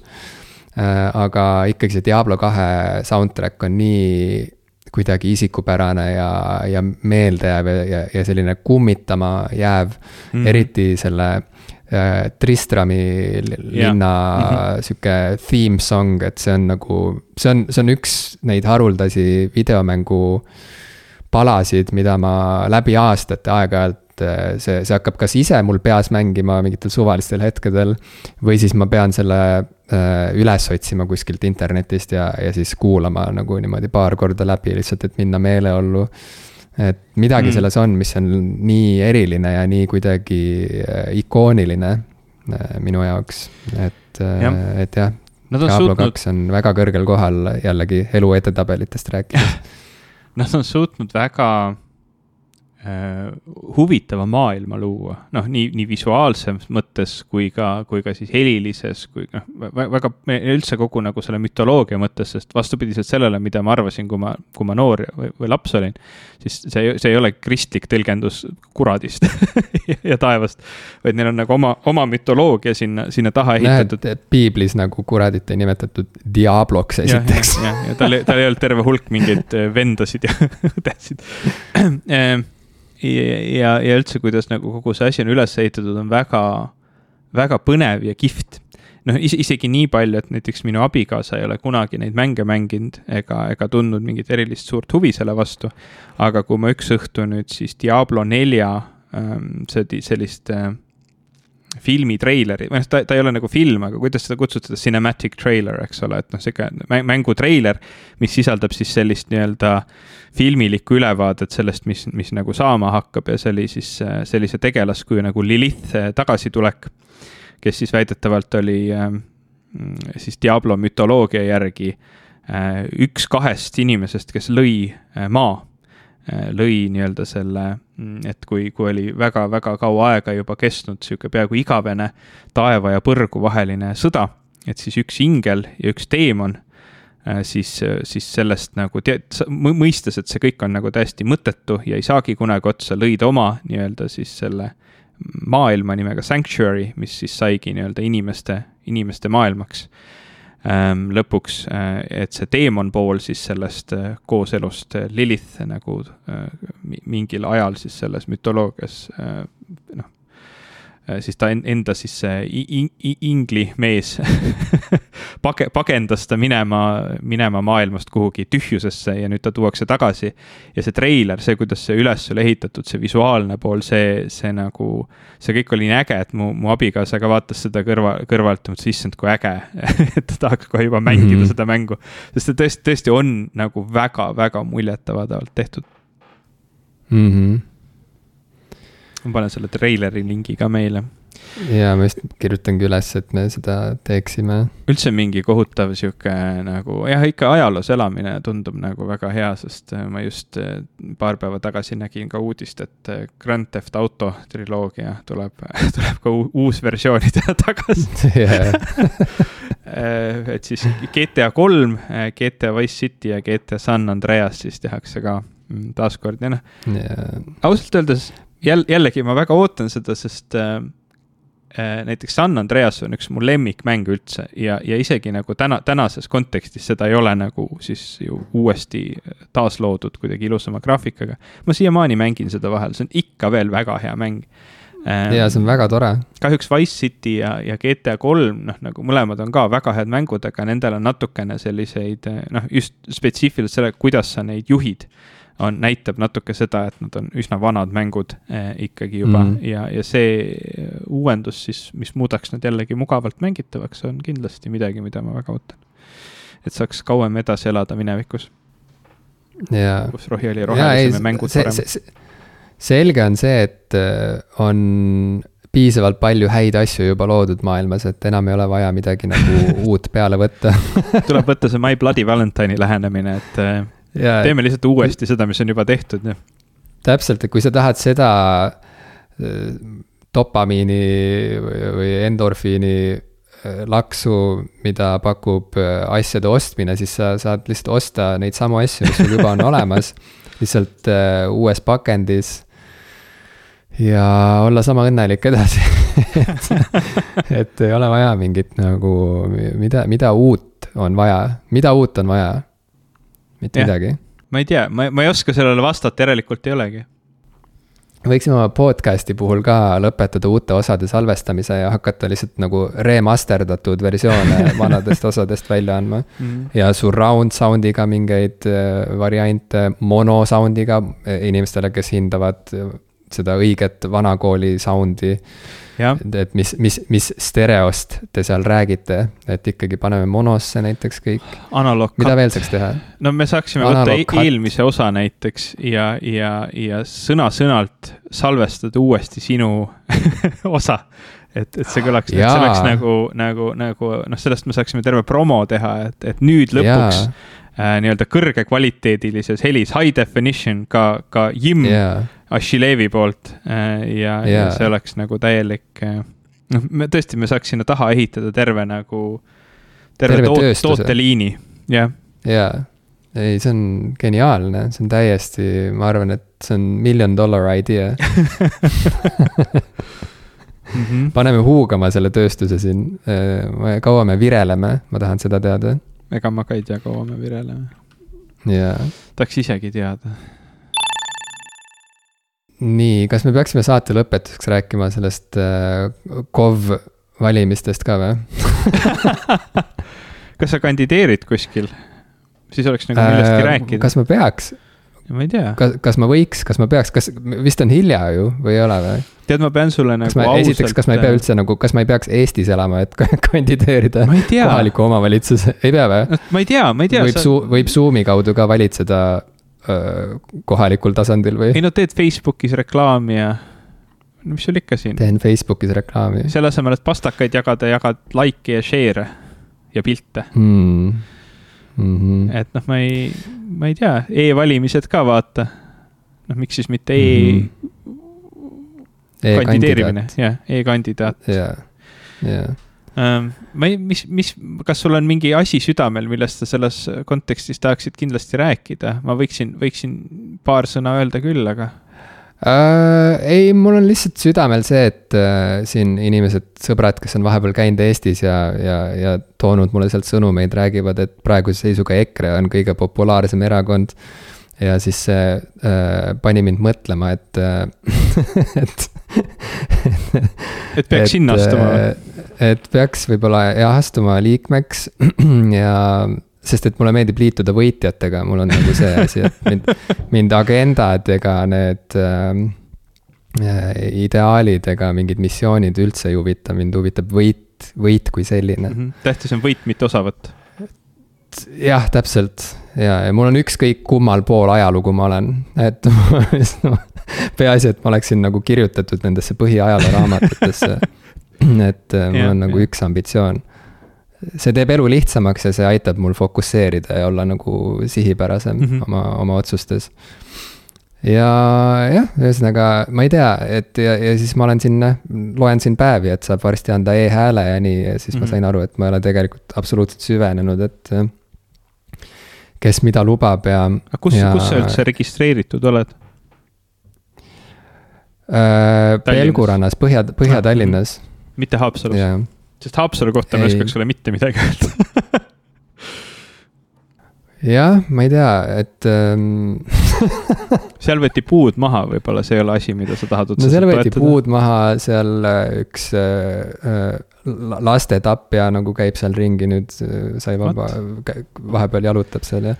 võib-olla ei peaks nagu, Haapsalusse minema enam ma ei tea, seal on jah, praegu ei ole nagu võib-olla parim aeg, aga, aga. aga sinu hääl saab seda muuta noh, aga, aga ma ei tea, noh, ühesõnaga ma ei oska midagi tegelikult kosta nagu selle teema mm. peale, ma lootsin, et äkki sa valgustad mind ja, ja teed mulle väikse järeleaitamistunni, et mis on asjade seis.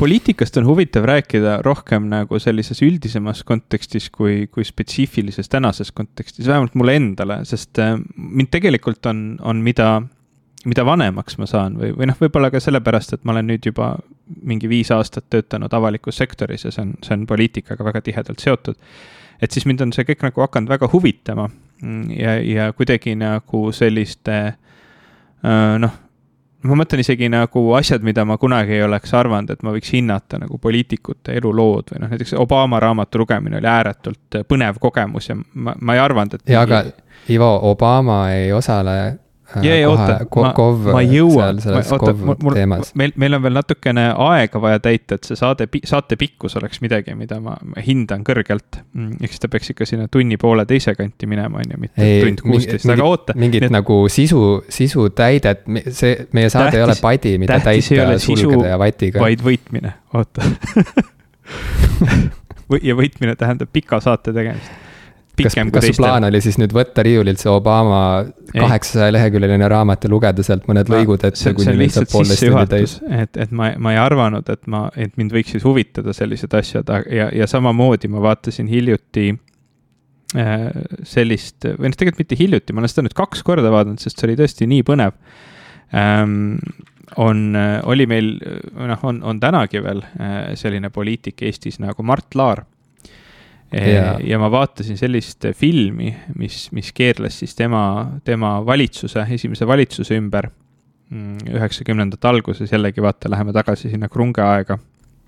ma arvan, et see on see krunge. film, mida mu sõber Jaak mulle ka kunagi soovitas ja siis see oli nii sür, kui ta äh, tõi välja selle tõiga, mis sealt filmistki vist välja tuleb, et äh, vaata, kui, kui Taavi Rõivas sai peaministriks, siis äh, Äh, inimesed olid kuidagi väga äh, kas elevil või siis nagu äh, häiritud sellest, et ta nii noor oli mm -hmm. peaministriks saades ja siis sealt Mart Laari dokfilmist, ma arvan, et sa räägid sellest samast, et sealt ju tuleb ka välja, et, et Laar oli nooremgi veel mm, -hmm. kui, kui ta moodustas siis selle esimese valitsuse seal, aga jätka. Ma isegi nüüd, ma läksin nii segadusse, et ma ma ei tea, kas äh, ma mainisin ära selle filmi pealkirja, igatahes see on Rodeo. jaa, just äh, Rodeo, ja, ja, ja. seda vist saab Jupiterist vaadata, on ju? jah, ma ei tea Äh, ma ei, ma ei tea, kui vana, ma ei tea, kui vana, ühesõnaga seda sai Telia sellest veebi, veebi TV-st või Telia sisuleidjast okay. saab seda igatahes vaadata, seal on kindlasti. Äh, ma ei tea, kui noor või vana Taavi Rõivas oli, kui ta ametisse astus, aga ma saan aru, et, et Mart Laar siis oli, oli mingi kolmkümmend kaks vist umbes või, või kolmkümmend üks, hmm. midagi nii um, ja ja noh, ma, ma, tõesti ka vaatasin seda suu ammuli ja, ja väga palju on mind nagu huvitama hakanud see, et noh, tõesti, kuidas, kuidas riiki ehitatakse, kuidas riike juhitakse ja, ja noh, muidugi nüüd jõudes siia kohalike omavalitsuste tasemel üldse, kuidas nagu, kuidas nagu see suhe poliitikute ja, ja, ja kodanike ja, ja ühiskonna ja ettevõtete kõige vahel nagu toimub, et see on tegelikult väga-väga põnev. Ja, ja mis on mul nagu hästi kummitama hakanud ähm, mida väga palju räägitakse, on see, et noh, et kurb on, et, et inimesi et noh, ei lähe rohkem noori inimesi poliitikasse, ei lähe rohkem nagu mitmekesisemalt inimesi või noh, mitmekesisema taustaga inimesi poliitikasse juurde. et, et see kipub mm -hmm. olema kas siis nagu edukad poliitikud, kes ongi nagu välja kasvanud juba väga noorest east, minnes nagu poliitik, noh, ütleme era, erakondade noortekogudesse, seal nagu siis, siis kasvades nii-öelda sellise äh, suurema rolli äh, poole seal, seal nendes erakondades et noh, et, et kuidagi vähe on sellist nagu uut hingamist ja uut tuult, seda hästi tihti räägitakse. ja seda nagu tasakaalustab minu avaliku sektori kogemus, mille põhjal ma küll nagu ise küll kunagi ei tahaks poliitikasse minna ja kellelegi seda ei julgeks nagu otseselt soovitada ka mm. -hmm sest noh, eks see on ikkagi keeruline kõik väga. aga samas jällegi noh, iga kord, kui valimised tulevad, siis ma mõtlen selle peale väga pikalt ja laialt, et, et tahaks, et oleks nagu et oleks rohkem, rohkem neid, kelle vahel valida, keda ma tõesti tahan valida. Mm, et võib-olla ma isegi nagu siin, siinjuures noh, paneksin selle meie kuulajatele südamele, et võib-olla on mõni teist selline inimene, kes tahaks äh, poliitikasse minna ja seal, seal edukas olla, sest ma kujutan ette, et meie kuulajad võiksid olla väga nagu toredad inimesed ja, ja, ja ka head nii-öelda ühiskonna ehitajad ja, ja, ja, ja eestvedajad aga, aga see on nagu selles suhtes keeruline teema, ma, ma püüan võtta valimisi väga-väga tõsiselt, ma alati hääletan ähm, alati lähen valima. ja ma püüan alati väga põhjalikult läbi töötada kandidaadid, ähm, kelle, kelle vahel siis see valimine teha, seda on, seda on nagu raskem teha, ma isegi tunnen teatud mõttes ähm, kohalikul tasemel. ja, ja varasematel aastatel ma tõesti nagu olengi äh, püüdnud siis leida selle erakonna, kes täna mind kõige rohkem kõnetab ja mitte ainult selles kontekstis, et mis see nagu, mis see nagu spetsiifiline maailmavaade on, vaid ka noh, eriti kohalikus kontekstis, et mida ta tõesti siis, siis siin kogukonnas nagu teinud on, kui, kui, kui ta varem mm -hmm. siin nagu teha saanud üldse midagi on. Ehm, ja siis ma püüan ka nagu, nagu, nagu need inimesed tõesti läbi vaadata ja mul on nagu paar sellist äh, Mm, kallutu- kal,, kal-, kallutavat kohta, mida ma püüan jälgida, et noh, ma, ma ideaalis tahaks, et see inimene oleks teatud mõttes minuga sarnase taustaga, noh näit-, näiteks ma võib-olla tihedamini valin teadlast kui, kui mitteteadlast või vähemalt varem tegin mm -hmm. seda, sest nendel oli nagu minuga võib-olla sarnane taust ja, ja seetõttu ma võiks eeldada, et kui nad on ka minu vaadetega ühtivas erakonnas, et siis nad võiks mõelda noh, nagu mingitele muredele, millele ka mina mõtlen ja kuna meie poliitika on ikkagi täna veel väga ähm, meeste poole nagu kaldu, et siis ma pigem kipun hääletama naiskandidaatide poolt või vähemalt olen seda ajalooliselt mm -hmm. nagu püüdnud teha, kui ma selleks olen mm, hea võimaluse leidnud. et tegelikult on see üsna nagu ikkagi keeruline asi, mida ette võtta. Mm, aga noh, ma, ma, ma ei saa öelda, et ma soovitan nagu minu lähenemist teistele, ma arvan, et see ei oleks nagu ei õiglane ega, ega noh, isegi mõistlik soovitus. aga noh noh, minimaalselt ma soovitan, et hääletage mm. -hmm. et see nagu ja, tundub nagu ja. hea mõte olevat. ja, ja mm, ei, ma usun, et ma ka hääletan, aga see eeltöö on praeguse seisuga täiesti alustamata isegi, nii et ma ei, ma ei tea. ma, ma, ma isegi ei tea, ei tea, mis seal, mis seal Põhja-Tallinnas teil nagu toimub, et kes seal nagu Põhja-Tallinn ei ole ammu ühtegi uut lugu teinud minu arust, nii et yeah. nagu. raske valida midagi. ma ei tea, et ju ma vaatan Youtube'ist mingeid vanu videoid mm,. kuulan need vanad hitid nagu läbi ja siis, ja siis viskan väikse, väikse hääle. Õnneks, õnneks nüüd valimistega on natukene aega, et selles suhtes meil on aega veel, et see, see ära teha Äh, ei, see e-hääletus algab ju nüüd kohe, kas see on nii või? jaa, aga noh, sa võid terve nädal seal hääletada minu meelest mm.. no vot, terve nädal saab kuulata Põhja-Tallinnat. ja me no meenutad endale, et äh, meil on aega veel, kuni enam aega ei ole. jah, veel on aega, veel on aega, aega on veel. ma kohe veel saan öelda ka kin kindlad kuupäevad. Sellepärast, et mulle kuidagi tundus imelik jätta nagu täitsa õhku seda. mul on hakanud Google väga halbu tulemusi andma ja kui ma otsin midagi, ta, ta vanasti andis täpselt selle, selle asja, mida ma otsisin ja nüüd enam ei anna üldse täpselt nii, nagu ma arvas äh,, tahan. ma saan aru, et su see vahepealne eksperiment minna DuckDuckGo peale üle läbi, oli jah. väga lühiajaline. Äh, no ta ikka kestis kuid, aga, aga sai otsa okei okay., lausa kuid, see on, see on ikka, hea tulemus. võib-olla isegi pool aastat, aga, aga mm. jah, frustreer-, frustratsioon tõusis tasemele, mis, mis ei võimaldanud enam oma häält nendele anda. Äh, aga ma vaatan mm. jah, et üheteistkümnendast oktoobrist kell üheksas algab ja lõpeb kuueteistkümnendal oktoobril kell kakskümmend null null, nii et, et aega on, aga täpselt nii palju, nagu ma just ütlesin. ja, ja.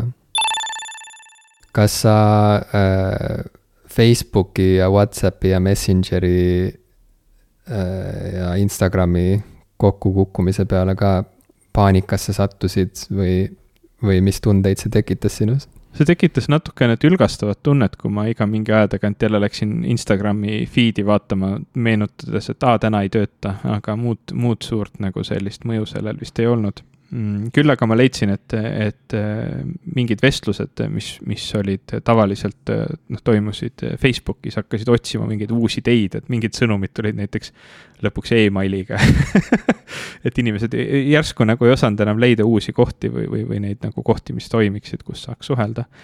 aga ei olnud sellel nagu mitte mingit, noh, see oli nii lühike aeg ka, et, et sellel mingit nagu mõju näha on, on nagu natuke palju Äh, mulle iseenesest meeldis, meelde, meeldetuletusena see, et äh, et tegu on väga sihukese monoliitse äh, süsteemiga, mis võib tegelikult väga lihtsalt lihtsalt nagu noh, kaduda mm -hmm. radarilt. ja, ja õppetund siinjuures on siis see, et ei tasu panna kõiki mune ühte korvi ehk siis tasub hoida oma olulist infot ja olulisi äh, ma ei tea, äh, olulisi märkmeid äh, võimalikult erinevates kohtades ja soovitavalt ka kuskil, kus ei ole vaja tingimata elektrit ega internetti, et, et nendele andmetele ligi pääseda. ja, ja teiseks, et, et ikkagi see ei ole tore, kui, kui on mingisugune üks super võimas selline nagu korporatsioon, mis juhib nii suurt osa sellisest äh, sidevahendite mingist nagu komplektist, et, äh, et noh, et see nagu teeb pildi nagu vaesemaks ühest küljest ja teiseks äh, paneb meid ka väga nagu haavatavasse olukorda tegelikult, et yep., et, et see on nagu ja see on, ma ei, ma ei tea, kui paljud inimesed üldse isegi nagu mõtlevad selle peale igapäevaselt, et Instagram. noh, Instagrami omanik on Facebook või et, või et kui keegi nagu ütleb, et aa, mulle Messengeri kasutada ei meeldi, sest et see on umbes Facebooki küljes kinni. aga mulle meeldib Whatsapp, et, et, et kui paljud inimesed nagu taipavad, et, et Whatsapp on Facebooki Facebooki toode, et et see kõik on kuidagi sihuke, ühesõnaga äh, Facebook endiselt on äh, ebameeldiv, üldiselt ebameeldiv nähtus mm. -hmm. ja just kuulasin Today Explained'i mm, hiljutist osa selle kohta, kuidas üks vilepuhuja avalikustas äh, äh, mõned olulised sellised dokumendid Facebooki salasahtlitest, millest tuli välja, et Facebook on ise korraldanud mitmeid uuringuid teemal, kuidas äh, sotsiaalmeedia mõjutab negatiivselt äh, eriti teismeliste tüdrukute sellist enesehinnangut mm. ja, ja sellest tulenevat alaväärsuskompleksi ja mingeid vaimse tervise häireid ja, ja kuidas nad äh, lihtsalt ei ole pidanud seda nagu majanduslikult kasulikuks äh, muuta seda süsteemi äh, tervislikumaks oma kasutajatele. Kuidas iganes see siis ka välja ei näeks. Mm.. aga et ühesõnaga, neil on data olemas selle kohta, et, et nende tooted tekitavad inimestes negatiivseid mõjusid. ja, ja neil on data olemas ka selle kohta, et Facebooki kasutatakse väljaspool inglise keelt kõnelevat maailmaruumi inimkaubanduse organiseerimiseks. aga jällegi, et kuna, kuna nad ei näe nagu rahalist kasu kasumlikkust selles, et nad sellesse nagu investeeriksid, et seda, seda viga oma süsteemist välja juurida siis nad lihtsalt ei tee seda, kuigi nad on teadlikud sellest ja, ja nüüd siis äh, üks Facebooki endine töötaja äh, tuli, tuli, avalikkuse ette nende andmetega ja, ja ähm, kus ta, kus ta nagu, ta, isegi võttis, ma nüüd, äh, ma ei taha puusse panna, aga igal juhul nagu kas see oli mingi senat või kuskil nagu, mingi sihuke teema? vist läks jah, nagu senati ette isegi nagu tunnistama, et, et mid, mis seal siis täpselt toimus. kusjuures selle naise eellugu veel on äh, selles mõttes eriti huvitav, et ta äh, on pikalt sellises nagu IT-valdkonnas tegutsenud. Äh, ta on meievanune inimene ja mm., ja ta sai tõuke selleks, et minna Facebooki tööle üldse sellest, et ta, teda tabas mingisugune ränk haigus, mis tegi ta elu väga raskeks ja siis tal oli üks abiline, üks noormees, kes nagu käis talle süüa toomas ja nagu noh, oli sihuke nagu tugipunkt talle ja, ja siis see noormees nagu radikaliseerus äh, selle tõttu, mis infot talle Facebooki algoritmid nagu ette söötsid.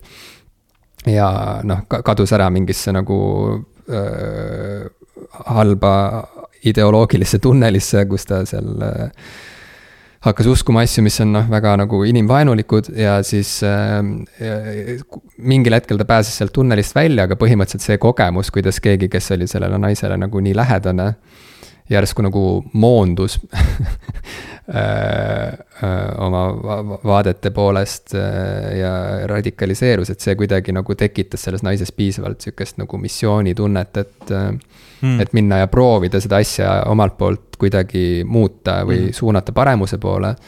ja Facebookis olles ta siis sai selgesti aru, et, Seda et see on lootusetu, sest et mm. see tema uurim-, uurimisrühm, keda tema eestvedamisel nad neid uuringuid tegidki ja kuidagi noh, see siht oli see, et muudame Facebooki paremaks ja inimsõbralikumaks, et nende tulemuste väljauurimise järel äh, pandi osakond kinni, sest et öeldi, et nagu, et see on mõttetu mõttetu punnitamine. Mhm. nojah, vaata, mm, mul on selline tunne, noh, hästi-hästi paljude asjadega, mis, noh, see on, või, võib olla natukene nagu halb seos, mida kõik kogu aeg teevad, aga seal on teatud tõde taga Mm, on, on erinevad siis narkootilised ained või mõnuained, mida siis tarvitatakse äh, noh, kas siis legaalselt või, või illegaalselt, aga noh, suuresti siis mingite mõnu tekitamise eesmärkidel või, või, või noh, see on see recre-, recreational use, eks ole, et ähm,. et äh, üldiselt, nii palju, kui ma olen aru saanud, siis väga paljud nendest nii-öelda asjadest me võime rääkida millestki nii levinust nagu ka alkohol tekitavad peamiselt probleeme inimestele, kellel, kellel on juba äh, mingisugused äh, kas nõrgad kohad või probleemid vaimse tervisega. ja sama yeah., sama seos tundub olevat ka nendel nii-öelda algoritmidel, äh, mis noh, mis sa samamoodi nagu, nagu Youtube'is toovad mulle selle trash theory, eks ole ähm, Youtube'i kanali, sest, sest Youtube juba teab, mida mulle meeldib vaadata ja, ja ta, ta leiab mu üles. et siis noh, kui sa nagu äh, kipud, ma, ma olen seda ise ka täheldanud, et kui sa nagu vajutad mingitele piltidele seal Instagrami otsingus ja Instagram hakkab nagu ära õppima, mis, mida sulle meeldib vaadata, siis ta nagu, see algoritm nagu jõhkralt surub selle, selle asja peale, mida, mida ta tajub, et on sinu nõrkus. Yeah.. ja, ja tegelikult on see kohutavalt halb, et noh, selles suhtes, et noh, sa ütlesid ka, eks ole, et, et, et Facebook on, eks ole, halb, et noh, üldiselt mul on tunne, et see algoritmidega toidetud äh, sotsiaalmeedia ja tegelikult ka laiemas mõttes nagu meedia äh, on, on väga noh, negatiivne nähtus äh, üldiselt. ja mul on, ma, ma nagu isegi, noh, vaata, see on see, et keel, igasugune keelustamine ja kõik muu on nagu väga vaenulik just ka selles mõttes, et noh, me ei, me ei taha tegelikult keelustada asju, mis võivad piir, piirata sõnavabadust või, või, või noh, isegi selles osas, kas Donald Trump peaks või ei peaks olema Twitteris või kus iganes tekitab minus väga palju erinevaid kaalutlusi, kus ma, kus ma isegi ei saa aru, mida ma täpselt selle, sellega mõtlen ja keda, keda siis tohib või ei tohi nagu kuskil hoida. aga mul on tunne, et need nii-öelda röövellikud algoritmid või ma, ma olen inglise keeles vähemalt kuulnud sellist äh, väljend nagu predatory algorithm ähm,. et, et need algoritmid, mis tõesti nagu üritavad äh, töötada selle nimel, et sinu nõrkus leida ja seda ära kasutada. et võib-olla need asjad ei peaks olema osa meie nagu igapäevasest ruumist. jaa ähm,, väga, väga hästi öeldud, jaa. et noh, et, et mul on, mul on selline tunne, et, et kuigi nendel on ka nii-öelda see positiivne pool, ehk siis tõesti iseenesest ei ole ka nagu väga halb, et, et iga kord, kui ma Youtube'i avan, siis ta enam-vähem teab, mida mulle soovitada, siis nagu teistpidi. Eh, noh, kasutada ära inimeste nõrkusi nende vastu on, võib tuua kaasa nagu väga-väga palju äh, noh, väga halba, halba mõju, noh nagu need Facebooki enda, eks ole, uurimistulemused ka ju näitavad tegelikult. ja, ja um,. ja, ja selle, selle Today Explained'i osa ma panen ka siis meie saate märkmetesse, selle pealkiri on The Facebook Whistleblower, see tuli viiendal oktoobril välja ja mitte, mitte senatis, vaid kongressi ees käis ja, siis ja. vilepuhuja. ma ajan need kaks asja kogu aeg sassi ja no pole hullu ma ka äh, et äh, väga hea kuulamine, ühesõnaga soovitan. nojah, äh, kas me puhume nüüd oma saate lõpuvilet? puhume. kas see on see vile, mida me nüüd, me nüüd puhuma hakkame? kuidas seda vilet puhutakse, milline on meie saate lõpuvile? kas sa ka ei oska vilistada või? ma oskan küll, aga mitte hästi. aa, sa oskad, sest mina ei oska mm.. ei, ma oskan seda, seda. no see kõlab nii haledalt praegu. aga see ei kõla nagu vilistamine, see kõlab nagu see, kui mina vilistan. noh, peaaegu. aa, okei okay,, see oli parem, see oli parem mm.. no tee siis mingi mõnus lõpu sihuke äh, vile meile ma, ma, ma ütlen lõpusõnumi. The world is a vampire.